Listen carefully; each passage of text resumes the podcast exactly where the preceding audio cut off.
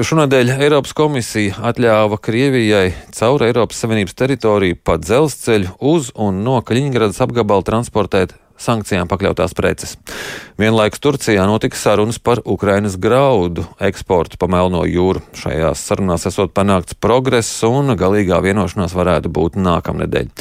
Lai runātu par šiem abiem tematiem, mums tiešraidē pievienojas Nacionālās aizsardzības akadēmijas drošības un strateģiskās pētniecības centra direktors Toms Rostoks. Labrīt! Labrīt! Vispirms par sankcijām pakļauto Krievijas preču tranzītu uz Kaļiņgradas apgabalu. Cik pamatots bija šis Eiropas komisijas at, eh, lēmums atļaut šīs eh, preces vest uz vai no Kaļiņgradas apgabala?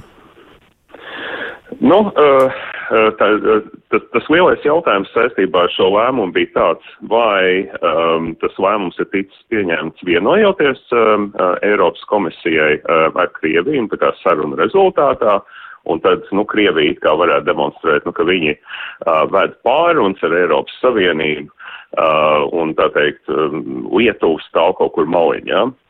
Bet uh, um, Krievija izplatīja šādu paziņojumu faktiski, ka, ka, uh, ka tādas pārunas ir notikušas, uh, bet uh, Eiropas komisija to uh, noliedza un pateica tiešā tekstā, ka tie ir mēli. Bet, uh, bet tas jautājums par Kaļiņingrads uh, tranzītu, uh, viņš ir bijis tāds diezgan um, uh, sarežģīts. Tur arī pati Lietuva iepriekš prasīja Eiropas komisijai skaidrojumu. Uh, Un uh, pēc skaidrojuma saņemšanas, tad faktiski visas uh, preces, kuras bija, nu, sankcijām uh, pakļautas, tad, tad tās arī, nu, tas tranzīts tika apstādināts. Bet pēc tam sākās runas par Kaļiņingradas blokādi no Krievijas puses un šie apgalvojumi, kas faktiski nav taisnība, jo tā nav blokāde. Bet beigu beigās um, nu, Eiropas komisija tomēr ir nonākusi pie secinājuma, un uh, izplatīja tādu paziņojumu, kur tiek piedāvāts skaidrojums, jā, nu, ka par dzelzceļu tās, uh, tas preces varēs uh, pārvadāt. Lielāko daļu tas, protams, neatiecās uz, uh, uz militāru raksturu, um, uh, tā teikt, uh, precēm. Bet, uh, nu, ka, uh, ka par dzelzceļu varēs, uh, pa, pa ceļiem nevarēs. Līdz ar to, nu, tad, uh, nu, cerams, ka šis jautājums uh, ir, uh, ir atrisināts tādā veidā, nu, ka tā netiks uzskatīta par, par būtisku piekāpšanos uh, Krievijai.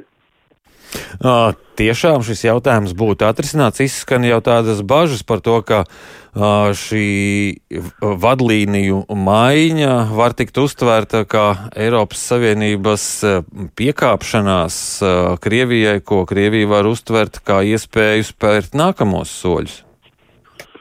Nu, no Krievi, Krievija vienmēr ir tās bažas, ka, ka, ka ja viņiem kaut kur piekāpjas, tad viņi vienmēr prasīs vēl kaut ko. Uh, bet uh, es, es domāju, ka uh, tālākas piekāpšanās īsti nav iespējams. Turklāt arī Amerikas Savienoto Valstu valdība ir izplatījusi paziņojumu, kur faktiski tiek apsveikt, apsveikt šis te Eiropas komisijas um, skaidrojums jo līdz ar to nu, no, no dienas kārtības tiek pilnībā noņemti visi šie jautājumi, kas ir saistīti ar uh, nu, Krievijas um, nu, žēlobām par, par to, ka, uh, ka Ļiņingrad uh, tiek uh, bloķēta.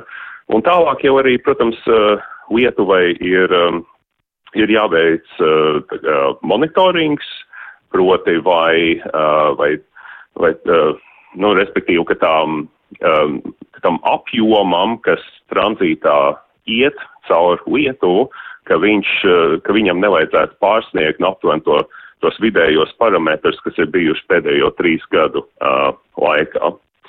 Uh, nu tā.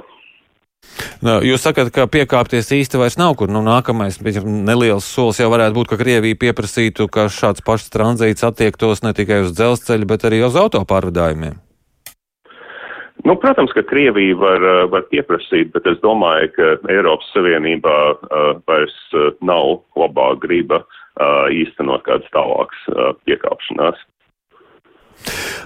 Par Ukrainas graudu eksportu, kā jūs vērtējat, cik cerīga ir šī vienošanās, kas šobrīd it kā ir panākta un kur tas risinājums varētu parādīties gan nākamajā nedēļā? Cik, cik jums cerīgi izskatās šī situācija?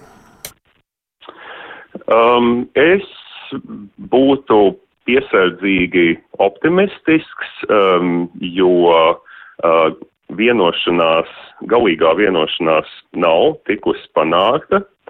Uh, bet, uh, bet šajā situācijā, uh, manuprāt, diezgan svarīgi ir, ir uzdot jautājumu, nu, kurš, kurš būtu lielāks ieguvējs no šāda veida vienošanās. Un faktiski tas lielākais ieguvējs tad būtu Ukraina, jo Ukrainas noliktavās šobrīd, cik es saprotu, ir aptuveni 20 miljonu tonu graudu. Un uh, pat labam uh, ir, ir uzsākusies uh, jaunās uh, ražas novākšana. Uh, līdz ar to uh, Ukrainai būtu iespēja uh, graudus eksportēt, nu, ja tā vienošanās uh, tiks panākta nākamnedēļ, un, un ja viņi tiks arī atbilstoši īstenota. Un, un protams, tad ja Ukraina tad arī varētu gūt papildus ienākums, jo Ukrainas ekonomiskā situācija kā rezultātā kā reize ir daudz, daudz, daudz sliktāk nekā tā ir uh, Krievijā. Un, protams, ieguvējs uh, būtu uh, diezgan uh, daudz valsts pasaulē, kuras paļaujās uz, uz šīm graudu piegādēm no, no Ukrainas un zināmā mērā arī uh, no Krievijas. Un varbūt arī mēs šeit Latvijā kaut kādā ziņā nedaudz būtu ieguvēji, jo nu, tomēr ir jāskatās uz to, kā, kā šis karš ir ietekmējis um, nu, pārtiks um, produktu cenas.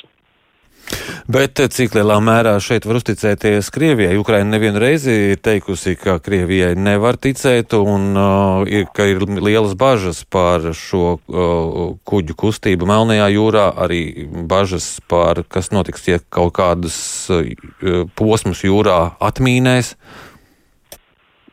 Jā, nu, tas, tas ir bijušas Ukrainas galvenās bažas. Proti, jā, no vienas puses Ukrainai šis grau, graudu eksports ir, un ne tikai graudu, arī saules puceļu un kukurūzu un citas lietas. Tas, tas ir ļoti svarīgi.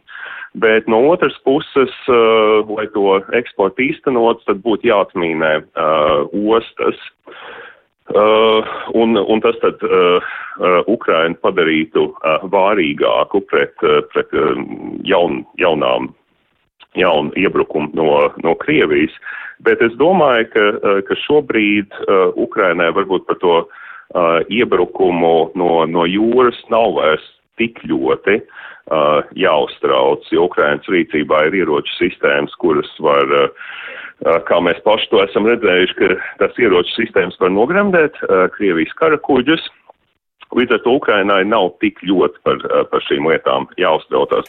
Turklāt, ja tā vienošanās tiks panākta, tad tā visticamāk būs četrpusēja vienošanās Krievija, Ukraina, apvienoto nāciju organizācija un Turcija.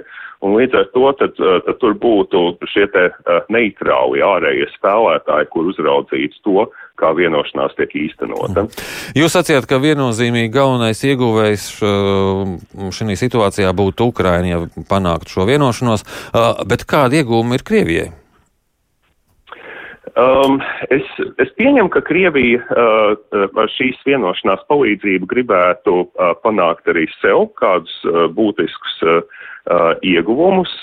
Bet, eh, ja patiešām eh, šīs sarunas notiek tādā četru pušu formātā, tad, eh, um, nu, teiksim, tās tie ieguvumi, kurus Krievija gribētu, nu, kas būtu saistīti ar ekonomisko sankciju atcelšanu vai mīkstināšanu, tie nav panākami uh, sarunās ar, uh, ar Turciju vai apvienoto nāciju organizāciju. Tur būtu jārunā ar Eiropas Savienību un Amerikas Savienotajām valstīm.